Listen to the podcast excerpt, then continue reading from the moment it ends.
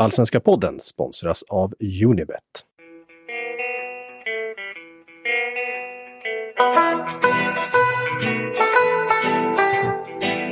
Ja, det är inte min telefon.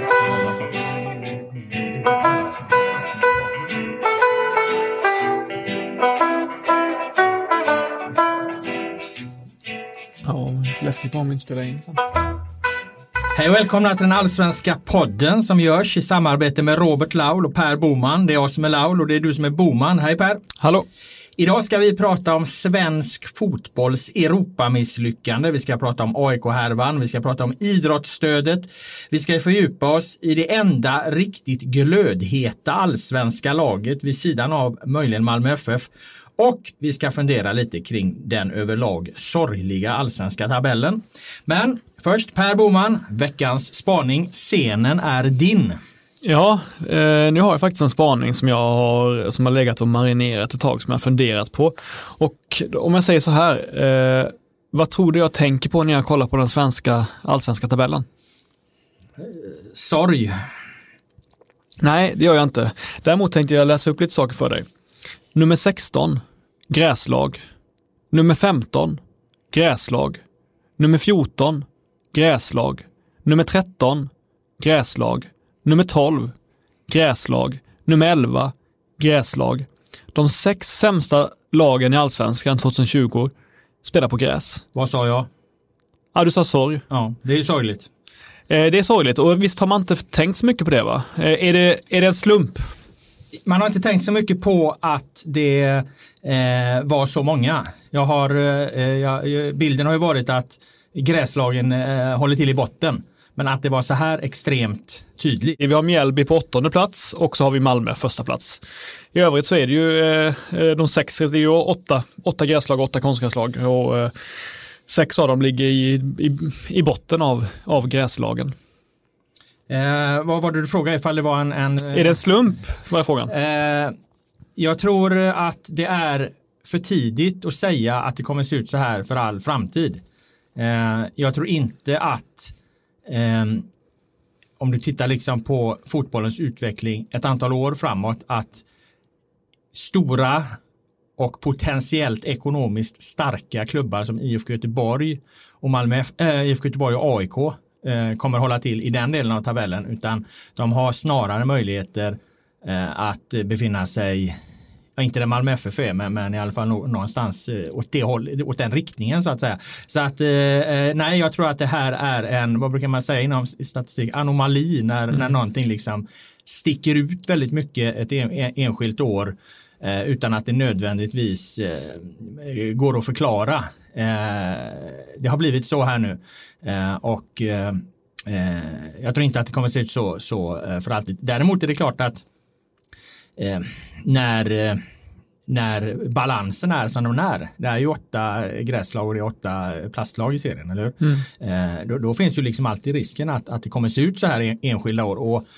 ramlar det då ur ett antal gräslag här nu, vilket det kommer göra, det kommer ju ramla ur, eh, det kan man väl nästan slå fast va? att, att tre gräslag kommer ur, ur, ur, tabellen för det är inga av de här eh, konstgräslagen kommer inte halka så djupt ner. Så tre gräslag eh, kommer halka ur och då beror, beror det ju lite på hur, hur det ser ut på vilka som kommer upp igen. Så att det, det, det, den effekten det kan få Eh, Eh, den, lång, den mer långsiktiga effekten, det är ju att vi går tillbaka till som det var i fjol när det var en övervikt. Då hade vi tio konstgräslag och sex gräslag och att man går tillbaka till det att bli en väldigt kraftig majoritet konstgräslag. Det kan bli en effekt. Jag ska avbryta det då och säga att eh, det som ändå är vackert, vi, både du och jag var ju väldigt glada i slutet på förra året när vi insåg att det skulle bli fler gräslag igen, att det skulle bli en jämnare, eh, jäm, jämnare serie på det sättet. Mm.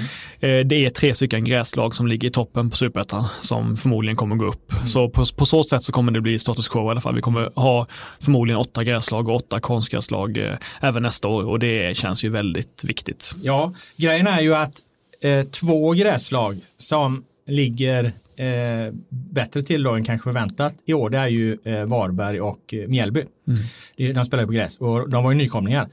Nykomlingar har ju utifrån att det första allsvenska året när de får tillgång till en eh, ökad pengasäck så har de enklare att omsätta den i, i i, vad ska vi kalla det, sportslig effekt så att säga. De, de, de får mer pang för sina pengar eftersom de har inte dragit på sig så mycket kostnader, organisatoriska kostnader. Eh, för de har inte hunnit bygga upp organisationen som krävs för att vara i allsvenskan utan det sköts lite eh, på, på, över en höft så att säga där. Så att eh, eh risken är ju att du har lag som Mjällby och Varberg som åker ur nästa år istället. För nästa år kommer, det andra året pratar man, det tuffa andra året. Det, är inget, det, är liksom, det finns ju en, en sanning i det där. Eh, det ser man ju liksom på, på Falkenberg som kommer upp, klarar sig men åker ur igen. Eh, och, och eh, ja, så att balansen är ju ständigt hotad eftersom det finns så många eh, konstgräslag numera. Nej, så är det. Och det, det, det är ju sorgligt. Ja. Jag visste inte vad det var för spaning du skulle ha, men så att jag, min chansning på sorg var ju lite rätt där, för jag tycker ju det är eh, lite tragiskt att så stor del av fotboll spelas på, på ett material som det inte är tänkt att, att den ska spelas på.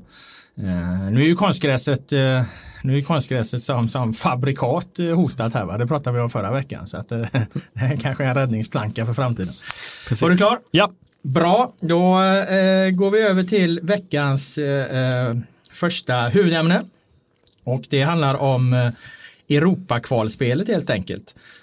Den här eh, sensamman hösten, eller hösten är det väl eftersom det sköts, eh, så är det, det är den sämsta kvalprestationen från allsvenska lag sedan 2006. Och vi har alltså inget lag som har gått vidare till något av de europeiska gruppspelen. Det är ju facit efter att också Malmö FF missat Europa League då. Eh, kollar man på 10-talet så hade vi lag i Europagruppspelen nästan varje år. Främst Malmö FF då som var både i Champions League två gånger och Europa League eh, tre gånger. Eh, men även eh, AIK var ju där, Elfsborg var där, Östersunds FK var där som alla minns. Och det var, tror jag, bara 2014 och 16 vi inte hade någon representant alls i ett europeiskt gruppspel. Så att 10-talet var ett väldigt lyckat år eh, för allsvenskan ur det perspektivet. Eh, men 20-talet börjar ju då väldigt mycket sämre och värre ska det bli. Eh, så är det ju. Ja, men jag läste Olof Lund direkt efteråt och han pekade ut att bara tre av de bästa ligorna i Europa saknar eh, representanter i gruppspelen. Då är Sverige ett av dem och det är ju lite pinsamt såklart. Så framöver kommer vi att tvingas, tvingade, tvung, tvingade förlåt, att sikta in oss på eh, den här Europa Conference League. Ettan får ju kvala till CL, det vet vi. Mm. Det är väldigt svårt också. Resten får spela den här tredje ligan som vi inte ens vet vad det kommer, hur mycket pengar det kommer generera. Eh, det är ju fattigt känns ju det. Eh, och jag funderar på, jag har funderat några dagar på om det är ett fiasko att, eh, att svenska lagen eh, åkte ur i, i kvalet. Och Eh, jag har landat i att jag inte tycker det faktiskt. För när jag kollar på de respektive matcherna så, jag menar Malmö FF har i grunden mycket sämre, eh, svårare förutsättningar än Granada. Man kan, man kan, ingen kan begära att de ska vinna mot Granada. Det skulle krävas en överprestation. Eh, Djurgården mot Cluj, ingen kan begära att de ska vinna mot Cluj. Det skulle krävas en över, överprestation. Eh, Hammarby mot eh, Lech Poznan ingen kan begära att de ska vinna mot dem, det skulle krävas en överprestation. Mm. Och framförallt Blåvitt mot FCK.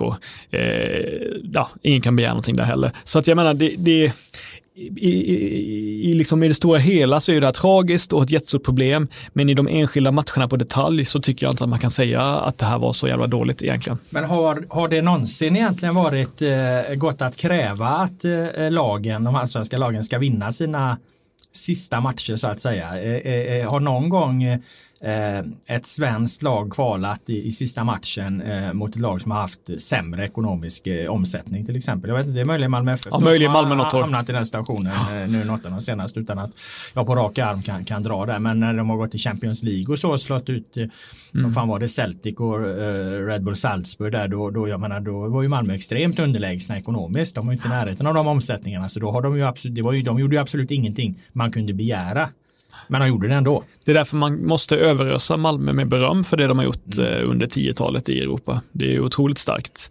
Eh, och det jag kan vara besviken på, det är att Blåvitt hade jag inga förväntningar på. Man kan inte förvänta sig att de ska göra någonting mot FCK. Jag tycker de gjorde precis så bra som man, som man, kan, som man kan kräva av dem. Med lite flyt hade de klarat det.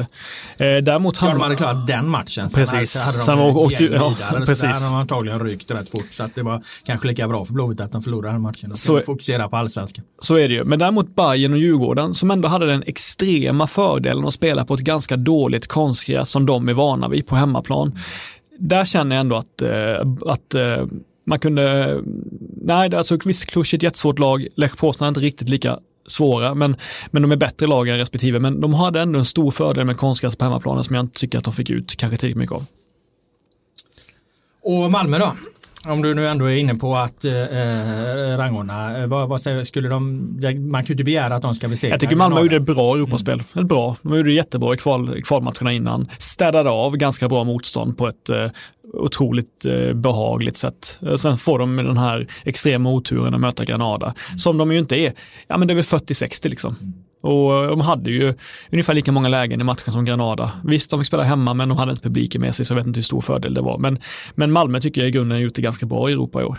Mm. Eh, Vad det här då innebär, om jag får bryta in, mm. för framtiden här då, om man även tar med den här aspekten av att de gör om Eh, eh,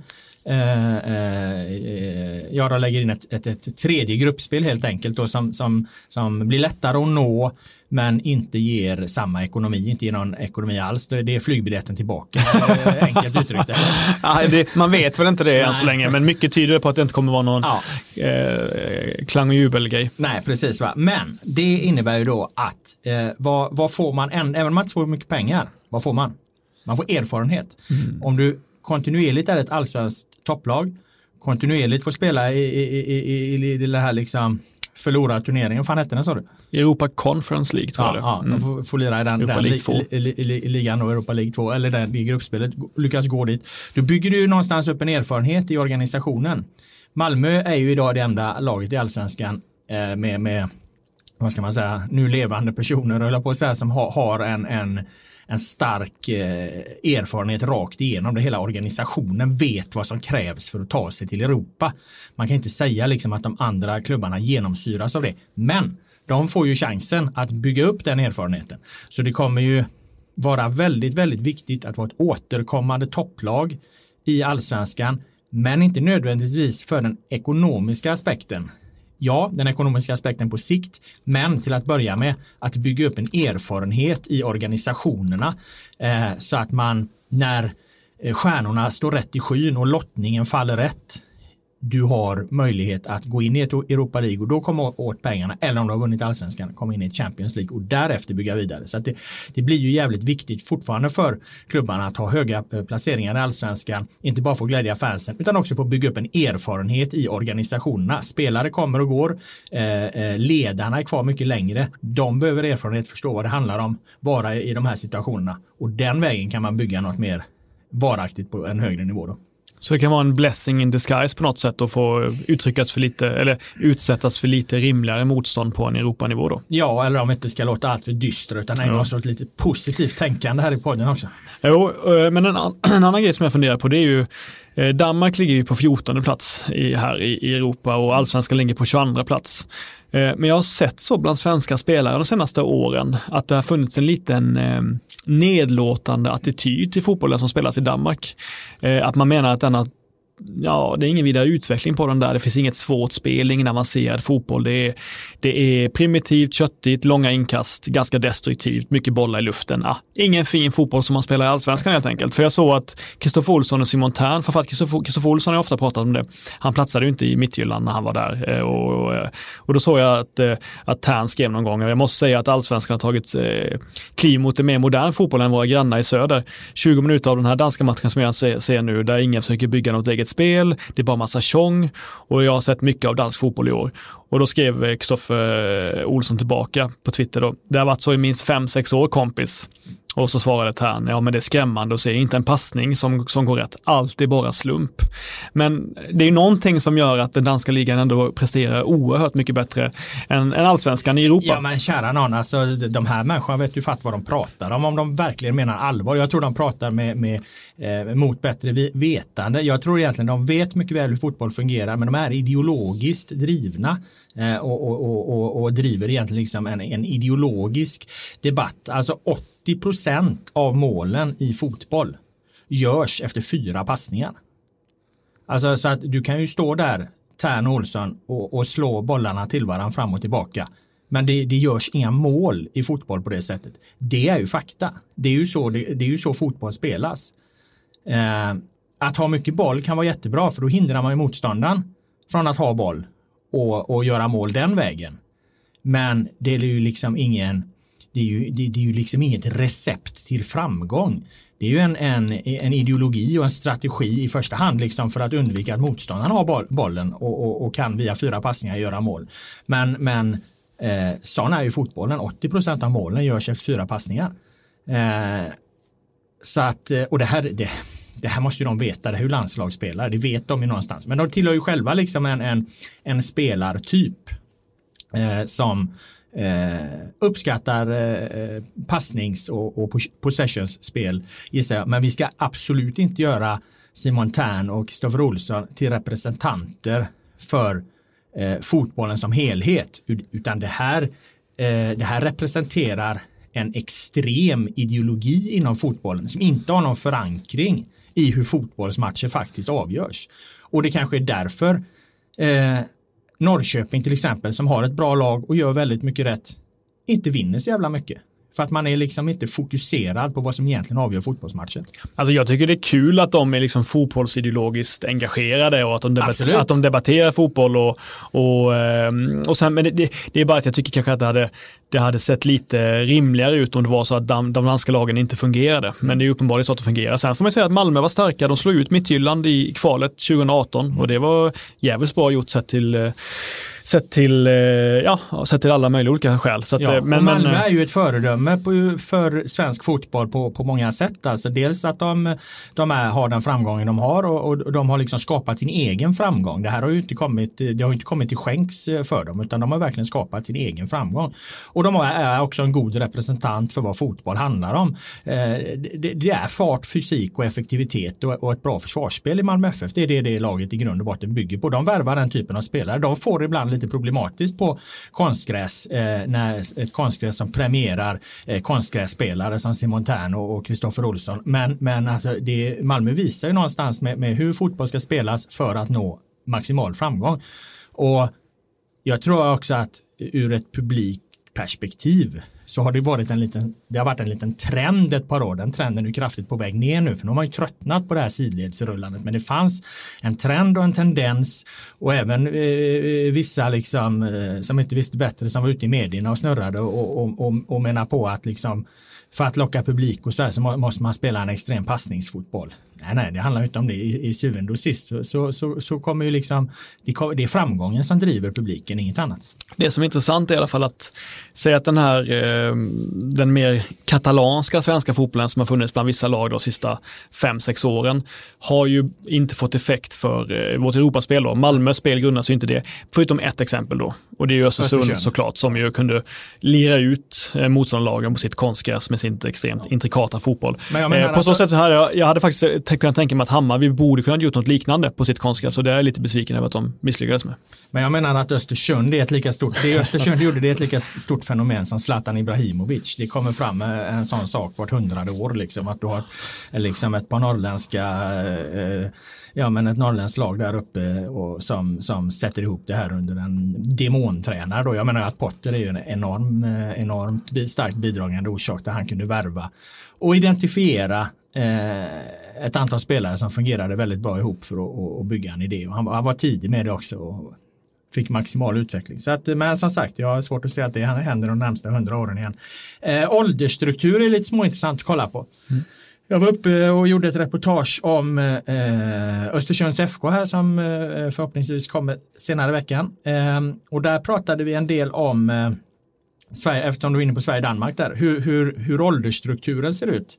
Och ÖFKs analytiker där då menar ju på att eh, snittåldern i allsvenskan den ligger strax under 26 medan den i danska ligan eh, ligger strax över 24 så det skiljer alltså nästan två år eh, i snittåldern mellan ligorna eh, där, där, man är yngre i Danmark då. Eh, tittar man på topplagen hur, hur åldern eh, fördelades. Det här ska jag säga då tror jag var alltså siffrorna för eh, 2019 i Sverige. Så att eh, eh, hugg då, ristat in dem i sten de här siffrorna och dessutom som sagt så har jag inte hunnit kontrollera dem utan de kommer från ÖFKs eh, videoanalytiker där. AIK hade 2019 en, en snittålder på 28,1 år, Malmö FF eh, 28,7, Djurgården som vann 26,7, Hammarby eh, 27,3 eh, och så tittar man då på på eh, Mittjylland exempelvis, som jag har gjort eh, eh, stor succé. Eh, snittålder 24,5, alltså klart lägre, mycket yngre spelare. Eh, Nordsjälland är väl ett annat lag som går jävligt bra där vad jag förstår. Eh, snittålder på 21 år. Eh, Medan FCK då som har sladdat lite senaste tiden eh, i ligan där, de har en snittålder som, som är mer i linje med de svenska lagen då, 27,6. Eh, exempel som sticker ut i eh, i eh, eh, Sverige är ju Östersund då, de tycker, det är väl därför de plockar fram de här siffrorna för de tycker det är intressanta. De har snittålder på 23,9 så, så Östersunds FK är ett väldigt ungt lag. Norrköping 24,2 också ganska ungt då. Eh, men som sagt, eh, eh, rista inte in siffrorna i sten men de ger liksom en slags fingervisning, de ger en liten bild av, eh, av vad det här handlar om. Och en, en, en ren spekulation, man inte har en aning om eh, om den stämmer eller inte men som hänger ihop med det lite vi har pratat om, det är ju att fysiken är så oerhört viktig i fotboll. Det går ju bara snabbare och snabbare. Du måste vara bättre och bättre tränare. Tar du 70-talet, ja då gick ju, då, då kom ju spelarna mer eller mindre direkt från krogen och, och gick ut på plan och lira. Idag är det ju atleter, även om de liksom inte tränar kanske som, som en gymnast så, så jävla extremt liksom. Gör ju inte fotbollsspelare ännu så det finns fortfarande mycket mer att hämta. Så blir ju sporten mycket mer fysisk hela tiden. Den går fortare och fortare. Det är liksom det som är utvecklingen i spelet egentligen. Det är egentligen den enda stora utvecklingen. Det är att det går fortare och fortare och fortare och fortare. Eh, och då behöver man ha mer eh, fysiskt starka spelare helt enkelt. Och unga spelare kan träna mycket mer. De kan klara av en högre eh, eh, belastning generellt. Spekulerar jag lite nu. Eh, och, och, genom då att ha unga spelare, träna stenhårt, eh, få en mer fysisk fotboll så har du den fotbollen då som Simon Tern och Kristoffer Olsson kritiserar. Men det är också den fotbollen som ger framgång. Ja, men det är intressant, det kan ge framgång. I det här specifika fallet gör det då. Nej, men det var redan så sommaren 2018 så blev ju AIK utslagna av ett typ juniorlag från Nordsjälland. Eh, ja, men liksom inte hade nästan ingen chans mot dem, vilket var, vilket var intressant. Eh, ja, men det här tycker jag, det kan mycket väl vara så att deras fysiska fotboll beror på att de har extremt unga och löpstarka lag. Det har jag inte tänkt på förut, det var intressant. Nej, som sagt, och det här är återkommande, eller eh, vi kan ju åter påtala då att det här är en podddiskussion, det här är inget reportage. Däremot så skulle det faktiskt kunna vara ett intressant reportage, åka till Danmark, titta på det danska fotbollsundret, eh, om vi får kalla det så, ställa det mot, mot eh, vad, vad som sker här i Sverige, hur vi tänker jobba här i Sverige. Eh, och så kanske man får ställa de kritiska frågorna då till, till ambassadörer som Simon Tern och Kristoffer Olsson som, som jag menar eh, argumenterar för en eh, förlegad fotbollssyn. Eh, men det som är annan, en annan grej som du även nämnde när vi pratade innan här, det är ju att ett annat skäl till att Danmark eh, kan dra ifrån och eh, eh få mer bättre spelare, det är ju faktumet att... Ja, det är ju pengar alltså. Jag menar ytterst så styrs ju fotbollen av pengar. I allsvenskan är väl korrelationen mellan, mellan omsättning och eh, tabellplacering eh, 94 procent. Det är alltså nästan 100%, det styrs nästan 100 procent på då för omsättning mm. var du hamnar i tabellen. Sen hoppar lag upp och ner enstaka år men utslaget över tid så, så ligger du där du har eh, pengar att betala spelare. Och Eh, Eh, utan att jag liksom har satt mig ner och räknat på det här så har de, har, har de eh, högre omsättningar, eh, bättre faciliteter, eh, bättre, alltså bättre träningsmöjligheter, vilket också kostar pengar eh, generellt i de här danska klubbarna. Eh, och en anledning till att de har mer pengar det är ju för att de har ju inte samma, de har inte samma ägarregler. De har ingen 51 regel till exempel i Danmark, utan där kan ju det hoppa in en en, eh, ja, men en rik engelsman och, och gödsla pengar över, över någon klubb. Eh, utan att han riskerar liksom att bli bortröstad av medlemmarna på årsmötet för att han tycker att han driver klubben i en fel riktning. Så att det är klart att de får in mer pengar. Det är en nyckel till framgång. Den starkaste nyckeln till framgång som finns i fotboll är pengar. Så att ytterst så är det klart att det handlar om pengar och att de inte har, har en, en eh, 51 regel. Och jag menar 51-procentregeln, det är ju liksom det är ju det är ju eh, en demokratisk eh, grundregel vi har här i, i svensk idrott och den är ju, tycker i alla fall jag, värd att eh, försvara och bevara eh, och inte riva upp bara för att eventuellt bli bättre på fotboll än Danmark. För det är en helt annan fråga där. Helt enig, det är ju inte, ja det är klart att eh, man skulle aldrig offra 51%-regeln för några Europaplatser. Det betyder ju inte ett skit i jämförelse. Så är det. Eh, därmed lämnar vi den eh, eh, frågan och, eh, eller ämnet och går vidare till Ja, vi får väl kalla det veckans stora nyhet i eh, allsvenskan. Då. Det var ju DN, Dagens Nyheters avslöjande om att en faktura från Nabil Bahoui-affären 2015 hittats vid en av polisens eh, knarkrazzior eh, fem år senare. Vilket skapade många frågetecken. Det var väl egentligen liksom ett avslöjande som där vi står idag egentligen eh, har skapat mer frågetecken. Vad handlar det här om egentligen?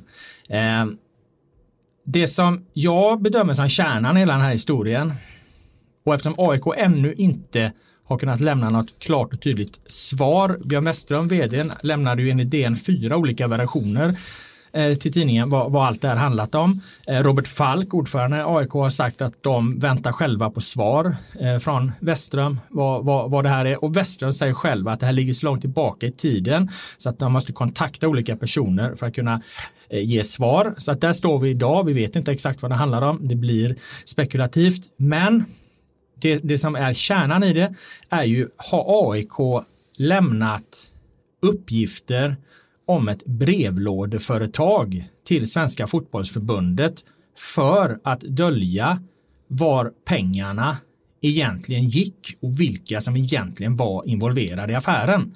Det är liksom någonstans det som är kärnan och där har nu SVFF gått ut och sagt att de, Svenska fotbollsförbundet, måste utreda den här saken för att se vad var det för uppgifter? Varför fick de uppgifter om ett företag som uppenbarligen var ett brevlådeföretag, som uppenbarligen inte var involverade i affären? Varför gjorde AIK så? Misstanken, spekulationen då, att det handlar liksom om att dölja vart pengarna egentligen tog vägen.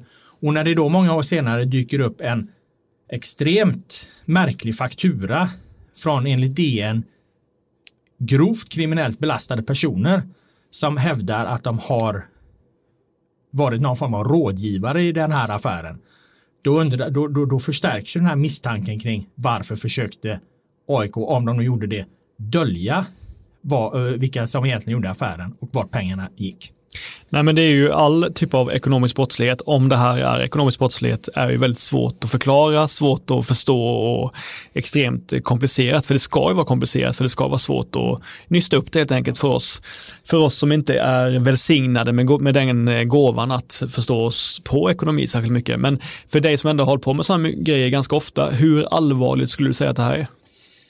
Jag skulle säga att det här, om, om upplägget nu är så som DN, eh, ja men uppgifterna som, som DN har tagit fram som, som, som det tyder på då, innan vi har AIKs svar. Eh, om upplägget är just ett upplägg så är det ju ett extremt raffinerat upplägg. Det är ett eh, extremt eh, eh, skickligt, om man nu får, får, får, får liksom kalla den typen av verksamhet för skicklig. Det är, någon, det är någon som har tänkt, det är någon som har ansträngt sig och det är någon som har tänkt ett par varv till.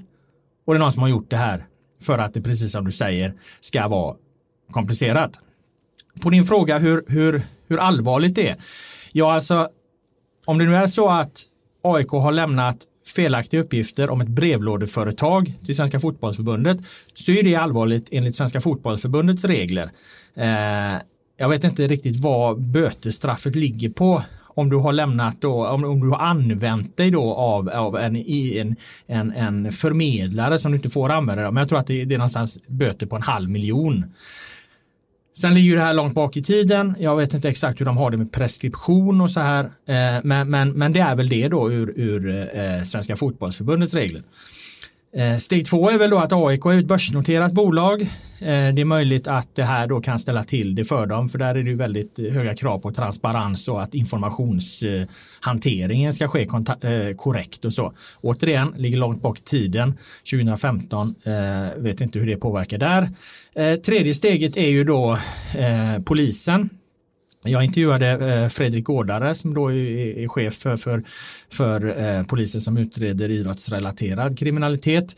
Och eh, han vill inte svara på hur han ser på AIKs del i det här eftersom det kan finnas saker som de blir tvungna att titta på och göra bedömningar kring. fritt tolkat, det skulle kunna bli någon form av polisutredning kring det här specifika då för att just nu är inte AIK involverad i någon polisutredning utan det här gäller ju narkotika. Det här gäller mm. kriminalitet på en helt annan nivå. Eh, men, men det han säger är väl där då att, att de måste titta på det och göra en bedömning. Men vad det skulle vara för brottsrubricering i så fall. Och vem i AIK i så fall? Alltså det, det, det, går, det kan inte jag bedöma här och nu. Därför kan jag inte svara på exakt hur allvarligt man ska se det. För att du måste ju Ska du bedöma hur allvarlig en sak möjligen kan vara juridiskt, då måste du veta vad är det för brottsrubricering som blir aktuell här. Mm. Jag, jag har ingen aning. Jag, spontant har jag lite svårt att se vad fan är det de ska bli anklagade för, utan det de liksom framförallt skulle kunna riskera om DNs uppgifter återigen är korrekta, det är väl det här, här eh, Svenska fotbollsförbundet då, att de tittar på att AIK lämnade felaktiga uppgifter och, och därigenom använder sig av en, en, en icke korrekt förmedlare. Eh, eh, och, och då hur börsen ser på det här, där, där, där den börs som AIK är, är registrerad på via sin aktie. Hur tolkar du faktumet att dels att Björn Westström lämnade fyra olika förklaringar till DN och att AIK inte kan svara på frågor nu heller någon, någon, någon dag senare utan vill avvakta och själva gå igenom innan de svarar på frågor? min journalistiska tolkning av det är att när man, när, när, någon man, eh, när man håller på med en story och man ställer frågor kring den och någon lämnar olika versioner. Det är för att den första versionen som lämnas kan beslås med fakta. Så att personen i fråga blir tvungen att lämna en ny version. Och också den kan beslås med fakta. Så blir personen i fråga tvungen att lämna en tredje version. Och när också den kan beslås med fakta. Då står, då står personen plötsligt och har levererat en fjärde version. Mm. Jag, har inte, jag vet inte hur DN arbetar eh, i detalj. Så att jag, och det är inte redovisat i artikeln på det sättet. Så att jag vet inte hur hur det har gått till i det här fallet. Men normalt är det ju så att om, om du frågar, ställer en fråga, du får ett svar.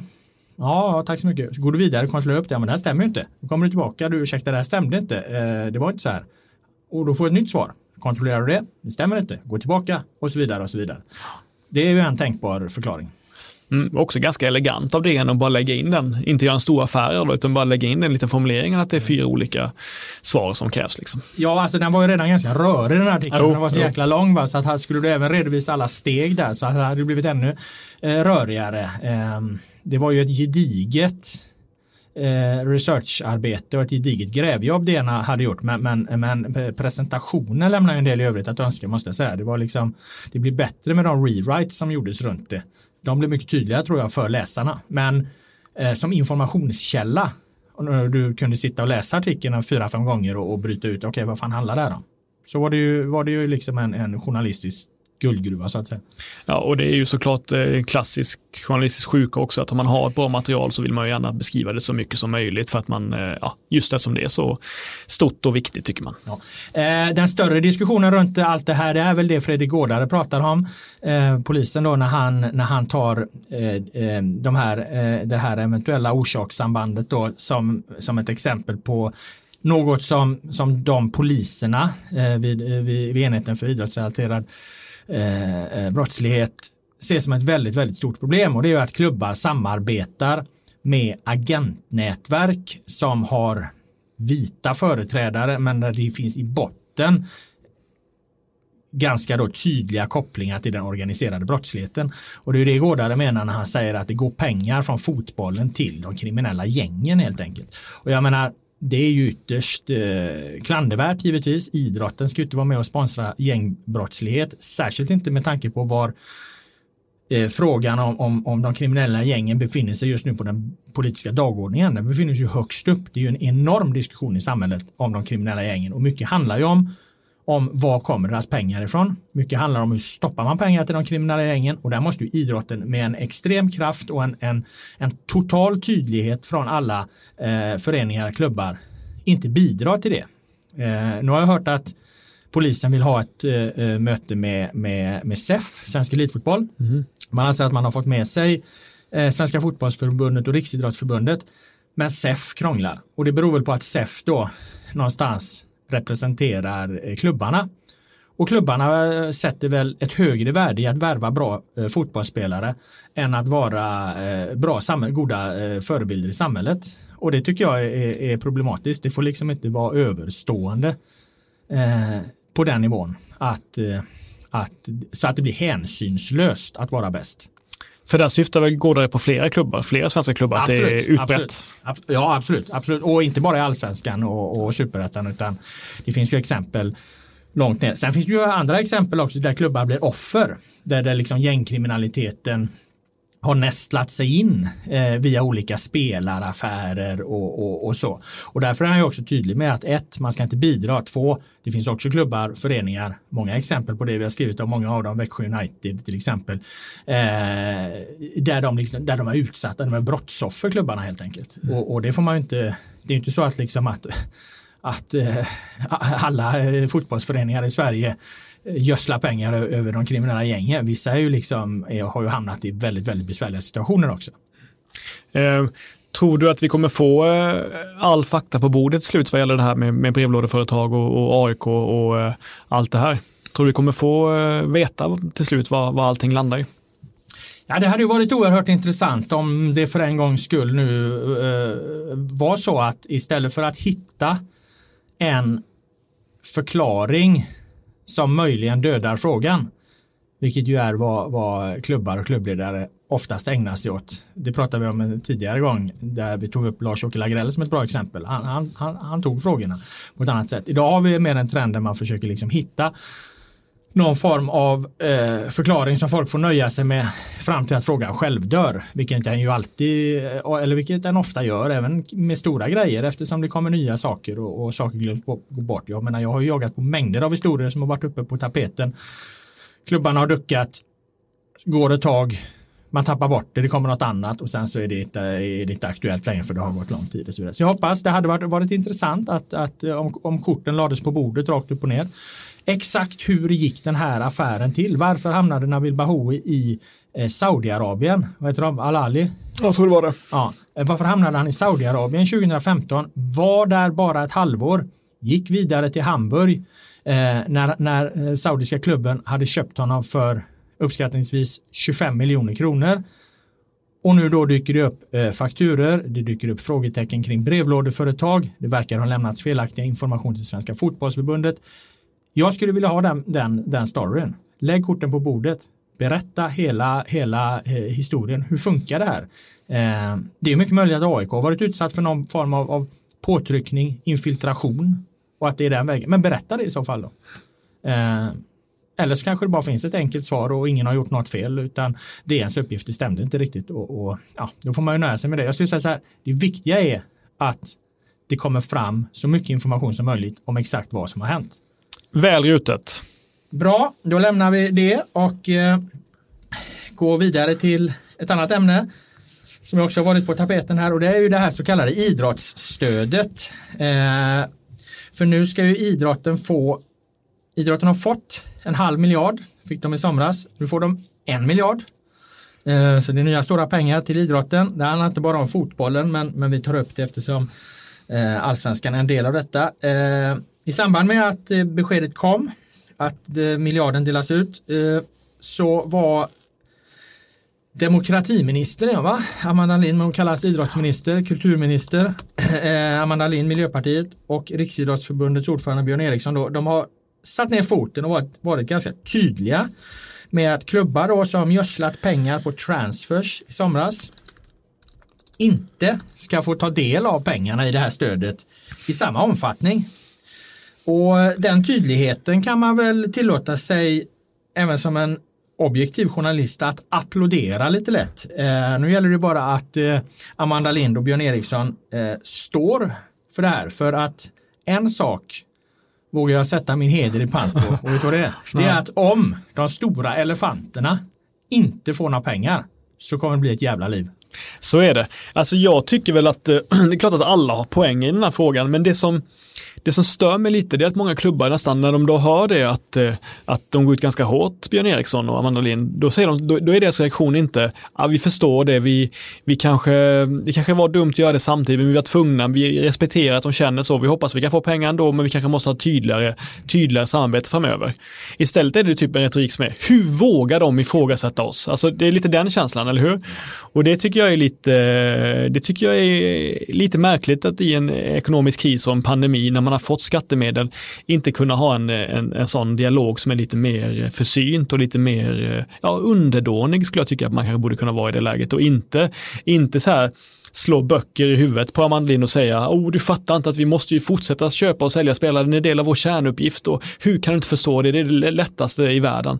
Men det, det skiter väl hon i liksom, hon har, hon har ansvar för skattepengar och det, det kan inte vara, fotbollsklubbar kanske inte kan agera precis som vanligt i en pandemi. Det är väl därför han har fått stöd från början, för fan. Ja, ja, så är det ju och man ska också tänka på att idrotten har ju i grunden en särskilt gynnad ställning i samhället. Alltså att eh, du har i grunden ett, ett idrottsstöd eh, på ett helt annat sätt än vad, vad, vad, vanliga företag gör. Och det hänger ju liksom, det, det, är ju en ideologisk fråga som hänger ihop med att idrottsvärlden eller idrottsrörelsen den ska stå för eh, sunda värden som är bra för samhället i stort. Eh, inte bara folkhälsa utan, utan även eh, vad ska vi säga, moraliska värden. Och det har ju gett idrotten en särskilt gynnad eh, ställning. Och har man en särskilt gynnad ställning och, och, och får eh, stöd och eh, lättnader eh, även när det inte är någon pandemi, då följer ju vissa skyldigheter på det också. Och det är till exempel att, att ha en hög eh, eh, moral vid, eh, vid skattefrågor, vid ekonomiska frågor. Man kan liksom inte bete sig hur som helst om man är idrott.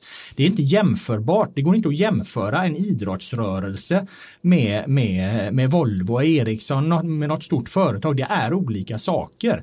Idrottsrörelsen är mer gynnad i grunden och därför att de, de ska representera andra värden. Det, det är ju en del av, av eh, fundamentet i vårt, vårt samhälle. Och då kan man inte vara ute och veva hur som helst som de här allsvenska klubbledarna och hockeyledarna framförallt. De är nästan ännu värre än några av, av dem i hockeyn. Jag har inte så bra koll på dem. Men hur jävla liv på dem. Eh, och det går inte, för det går emot, eh, det går emot hur, hur eh, vårt system är uppbyggt och då krackelerar systemet. Om, du, om även idrotten ska bedriva någon liksom roffar och rövarverksamhet. Så att eh, det där är illa. Och jag tycker att det är bra av Björn Eriksson och Amanda Lind som sagt att de är tydliga på den här punkten. Sen är det ju jättesvårt såklart för dem att avgöra vilka ska då ja, Eh, straffas för att de har värvat och vilka ska inte göra det. Jag menar, alla klubbar har ju såklart förstärkt sina trupper på något sätt, eh, investerat i den på något sätt under den här tiden, även när de fått stöd. Sen har väl vissa gjort det mer än andra helt enkelt och det är, där man får, det är väl det man får kika på. Det är klart att eh, de får väl utgå från medieuppgifter då, eh, staten när de ska bedöma vilka som ska få pengar. Det, det är ju jättesvårt såklart. Det, men det, ja, det, det finns ju ingen hundraprocentig rättvisa där i det här fallet, men åtminstone bra att de, att de, att eh, Björn Eriksson och Amanda Lind, de funderar kring det här. För vad ska alla andra skattebetalare säga annars? De, de, de är inte invigda i, i det här eh, hur fotbollen fungerar. De ser bara att klubbar som lägger, stor, lägger miljoner på nya spelare mm. får miljoner i stöd. Och det, det är de man företräder kanske i första hand i, det här, i, den, här, i den här frågan. Mm. Nej, men jag, jag, jag tänker väl väldigt mycket enkelt om man bryter ner det på sin egen nivå och säger att man har en tillvaro där man eh, där, man, eh, där vardagslivet ser ut eh, som så att, eh, att du går till Café Opera varje dag. Där har du ett fönsterbord och, och du sitter och smörjer kråset och äter gåslever. Sen kommer en pandemi vilket gör att din ekonomi påverkas. Så du har inte råd att gå, sätta dig vid ditt fönsterbord på Café Opera, smörja kråset, käka gåslever. Istället får du gå till den lokala pizzerian och beställa in en, en, en, en pizza. Möjligen med, med dubbel botten och extra ost. Men, men ändå bara en pizza på den lokala pizzerian. Då kan du inte begära stöd av staten bara för att du ska kunna återgå till ditt fönsterbord på Café Opera där du vill smörja kråset och käka gåslever. Utan du får helt enkelt nöja dig med att äta din pizza. Skulle du däremot hamna på grund av pandemin i ett sånt, sådant ekonomiskt trångmål att du inte ens har råd att gå till din eh, lokala pizzeria för att köpa en pizza, bli mätt för dagen. Då är det en helt annan sak. Då har du rätt att kräva eh, pengar av staten. Och lite så är det ju för fotbollsklubbarna. De kan ju inte begära pengar för att de ska kunna sitta vid Café Operas fönsterbord. Utan de måste ju se till så att de har en verksamhet där de kan beställa in en lokal pizza om dagen. Ja men sen är ju faktiskt det här, det var ju så att alla gick ju in, när, när pandemin eh, var klarlagd att vi hade en pandemi, då hade ju nästan alla allsvenska lag färdiga trupper med ett stort antal spelare. Visst, om man säljer någon så, kanske man, så är det ju viktigt att ersätta den och det kan man ju förstå att klubbar har gjort. Men jag menar, de har ju förstärkt trupper. Jag menar, man har all, alla klubbar haft möjligheten att ta upp, en, ta upp en junior istället. Det hade, det hade missgynnat dem sportsligt. De hade blivit ett sämre lag på grund av det.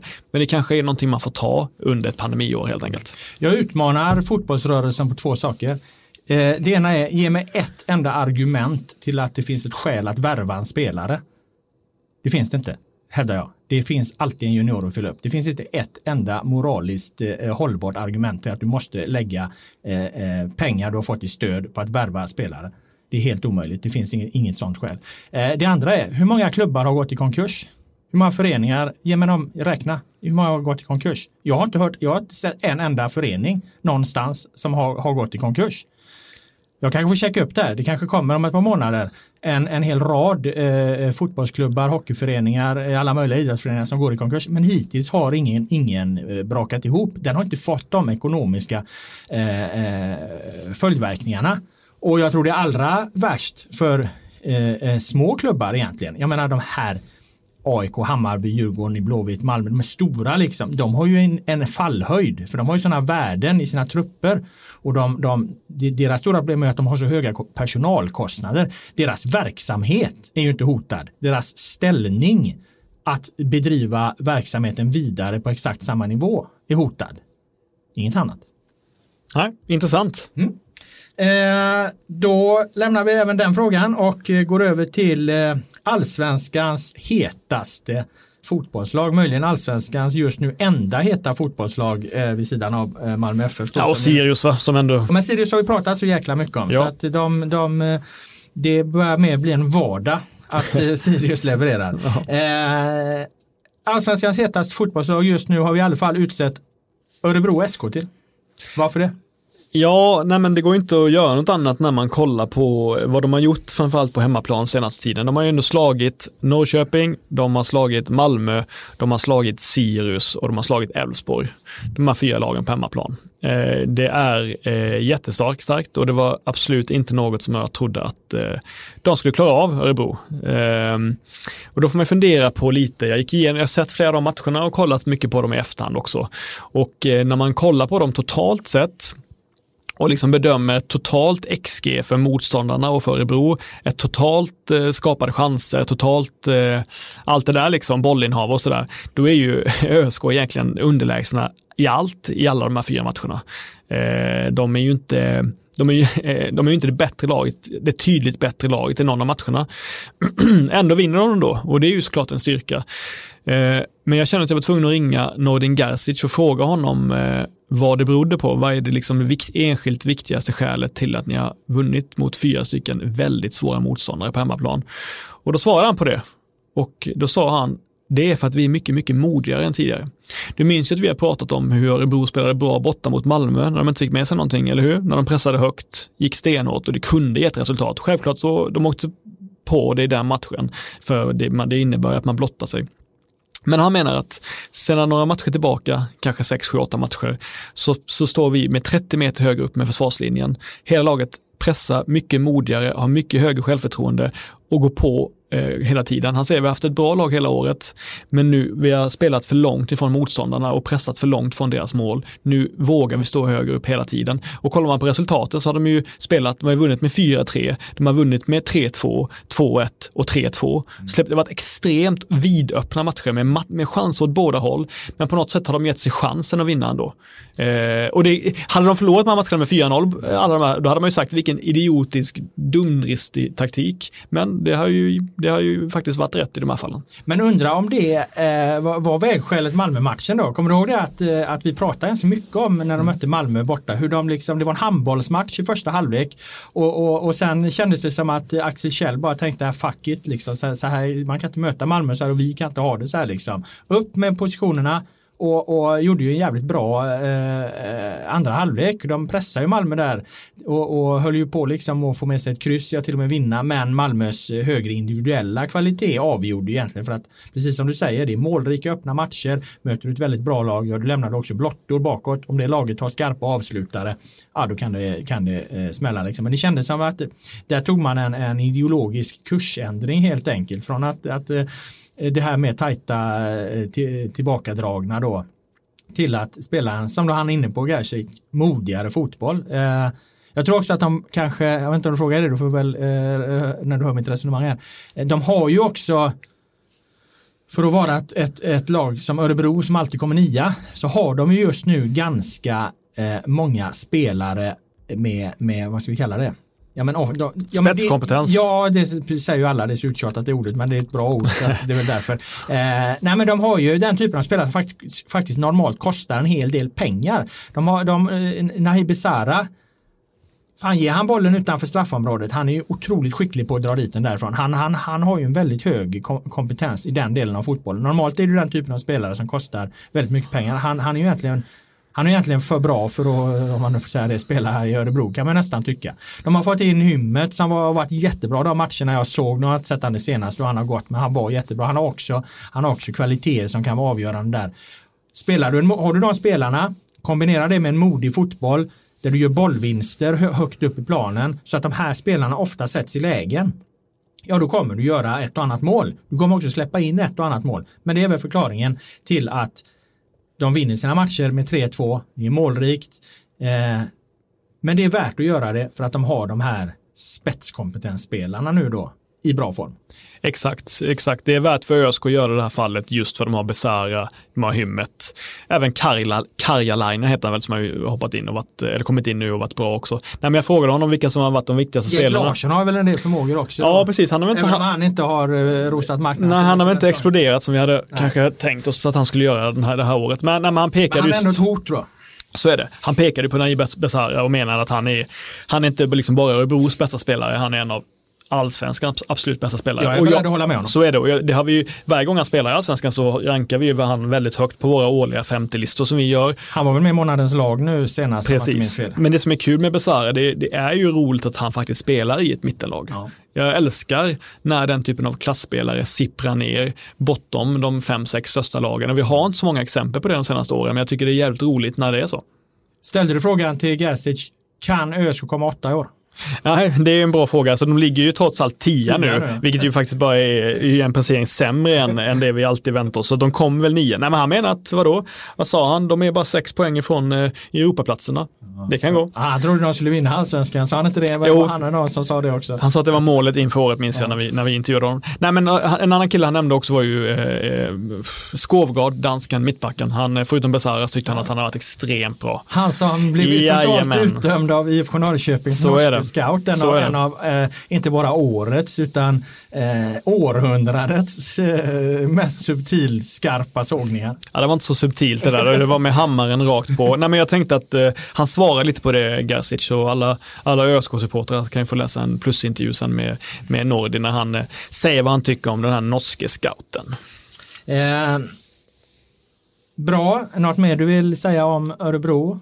Nej, mer än att jag, jag även för de har vunnit de här fyra matcherna på hemmaplan mot extremt tufft lag, tuffa lag, så är jag fortfarande lite osäker på ifall det här mm. handlar om att de har varit väldigt bra eller ifall det har varit lite av slumpen och att de har haft De har kommit in i flowet. Ja, men ganska mycket flyt har de haft i flera matcherna. Som de motståndarlagen har verkligen skapat jätte, jättemycket. Så att eh, det, man, man kan inte säga att det är starkt att göra de här resultaten, men jag är högst osäker på om det kommer hänga i. Liksom, vet, du vad jag tror det, vet du vad jag tror det ytterst handlar om? Nej att det är en jävla konstig allsvenska.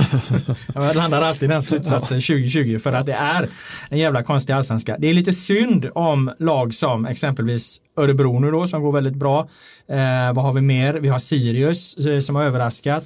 Vi har eh, Häcken som, som går väldigt bra. Eh, eh, Mjällby såklart. Varberg. Att när de här lagen nu går bra så får liksom det är ingen som, som får njuta av det. Är ingen, det är tomt på läktarna. Eh, man kan lida lite med, med, med, med de här lagen. Nu kommer Örebro igång här liksom och de har ju ändå en ganska skaplig publik, publiksiffra. Men det är inte en jävel som är där och tittar på dem. Så det är, det är, det är lite synd om dem på det sättet. Eh, det här leder väl oss in på vårt sista ämne för dagen och eh, Ja, det är bara att konstatera att eh, ja, förutom Örebro nu då så har vi inte pratat så mycket om, om, om matcherna i senaste omgången. Vi har inte pratat så mycket om tabellen och så. Och det är för att jag kan inte riktigt skaka av mig känslan att, att det känns lite hett någonstans nästan längre. Möjligen, möjligen det finns ett potentiellt drama kring IFK Göteborg. Att de ska ryckas eh, eh, med i eh, eh, ännu mer i bottenstriden. Nu vann de senast eh, så att då, då, då skapar, skapar de sig lite utrymme. Och det är klart att för, för de här lagen, för, för, för Falkenberg och deras supportrar, för Helsingborg och deras supportrar, för Kalmar och deras supportrar är det ju jättedramatiskt givetvis så. Men att bygga upp den här bred, det här breda engagemanget för serien just nu. Det går inte riktigt att göra på bottenstriden och det går absolut inte att göra på, på toppstriden. Eh, normalt vid den här tidpunkten så, så så ju, skulle ju folk vara, vara superintresserade av den allsvenska toppstriden. Men det är de ju inte. Det är som att Malmö, de har redan räknat in, eh, vad blir det, 21? Vad fan är de uppe på? Ja, det är många i alla fall. Ja, jag tror det är mer än två stjärnor i alla fall. Ja, ja det, eh, det har de ju mer eller mindre räknat in såklart. Så att de, de, de är ju knappt intresserade av det utan det känns som att de ska spela av det och det verkar de ju göra också. Närmast bakom där jagar ju lagen som inte heller skapar det här riktigt breda eh, engagemanget. Absolut Norrköping kan göra det men är för långt efter. Eh, förlorade senast. Häcken, jättebra säsong på alla sätt och vis. Vann senast Falkenberg 3-0, kanon. Men blev ju så jävla avklädda av Malmö FF där så att, så att eh, ja, det går inte att bygga något, eh, något drama kring det heller. Och sen så Elfsborg, sen jag var och besökte Jimmy Tillin. Dödskyssen. så de ju fullständigt rasat. Åtta raka utan seger. Stackars Elfsborg. Eh, han får aldrig mer släppa in mig i den kommandocentralen där för de, de har ju knappt tagit en poäng sen dess. Ja men det är ju sex kryss och två förluster så det är ju IFK Göteborg eh, på något mm. sätt som de hade, som Blåvitt hade det i början på säsongen. Men håller du med mig? Tycker du att tabellen är lika sorglig som jag? Ja, det är lite sorgligt, så är det ju. Eh, det är klart att jag är de gladaste supportrarna just nu. Det är ju nästan AIK-supportrar vars, eh, vars lag ligger på en, på en tolfte plats och nu kan titta uppåt i tabellen. Det är ju eh, Nej, men, jag... men det är som att AIK supportrar, det är inte glädje, det är en utandning. Ja, men det är lättnad Eller, liksom. Ja, lättnad, ja. Fan, det löser sig ändå. Vi slipper det här, den här jävla liksom, paniken. Nej, nej, jag håller med. Nej, det, den absoluta majoriteten är ju, är ju besvikna. Mm. Det är ju det är klart att Malmöfansen är inte besvikna. De, de är ju på väg att ta sitt guld nu som de behövde ta den här säsongen. Men, eh, men det är ju inte i närheten av att det känns som att det är något, något drag kring Malmö FF på det, på det sättet. Nej, de måste ju ha någon som utmanar dem längre in, liksom, som är tydligare och det behöver väl också med all respekt till Häcken så borde, måste det också vara ett annat lag än Häcken förmodligen mm. som ska, som ska ligga där och fiska långt in på eh, sluttampen på säsongen. Så nej, jag, jag kan inte säga emot. Det är, det är, jag tycker fortfarande det är väldigt kul att se på enskilda matcher. tycker jag lär mig mycket och det är spännande och många intressanta spelare. Men i så den kollektiva historien om, om, eh, om allsvenskan 2020 är ju två plus. Alltså jag, det är en glasklar 1 plus den här, det här allsvenska året. Alltså det, det, jag, förra året tyckte jag var 5 plus. Jag för mig att mm. jag rankade 19 som ett av de bästa åren någonsin. Så sett att det var, det var sånt drama med de stora klubbarna hela vägen in i mål. Tre lag hade chansen att vinna allsvenskan på sista dagen tre av de stora. Eh, det är klart att det var fantastiskt ur ett intresseperspektiv. I år är ju raka motsatsen på alla sätt. Dessutom är det ingen publik på läktarna. Eh, kvaliteten är miserabel. Eh, jag, jag kan inte, alltså jag tror helt ärligt, det här måste vara det sämsta allsvenska fotbollsrådet någonsin. Vilket skulle vara sämre? Nej, men jag, 81. Nej, men, exakt. Jag, jag, nej, men alltså, nej, men jag tillhör de som, tid, ja, jag tillhör de som gillar 2010 till exempel, när det var mängder av bondlag som var uppe och hävdade sig. Eh, bondlag säger jag med kärlek eftersom jag själv då är, kommer från en bondig del av eh, landet. Nej, men både Trelleborg och, och Mjällby var ju långt uppe då 2010, det är det där klassiska året när Trelleborg kommer femma. Klassiska ja, året. Ja, och, och det håller jag med om, för att då var de där någonstans på på, på egna meriter? Ja, egna, förmå egen, för, egna förmågor på ett annat sätt. Då var det inte, vad fan 2010 var inget konstigt. Det var ju, jag menar, gräset växte och solen sken. Alltså det, det, det var folk på läktarna och det var ingen jävla pandemi i luften. Eh, så att, ja det kan jag väl hålla med om. Jag tycker att absolut 2010 är resor bättre än, än 2020. Men jag har svårt att hitta ett sämre allsvenskt år än 2020 och då är frågan om, då kan man inte ge ett annat betyg än 1 plus. Nej, till, men, till, till, den här. Jag vet inte vad fan som har varit bra, varit ja, bra med årets allsvenska. Vad skulle det vara? Nej, men det är ju trots allt fortfarande nästan en tredjedel kvar så man kanske ska avvakta med slutbetyget eh, tills, eh, tills vi har facit. Okay. Ja, ja, eh, vi avvaktar med det och vi, om du inte har något mer? Nej, nej. Då stänger vi igen butiken för idag. Jag tackar dig Per Boman som var här med dina kloka synpunkter och åsikter. Jag tackar alla er som har lyssnat. Den allsvenska podden är tillbaka nästa vecka. Nu blir det The Village Stompers med Washington Square.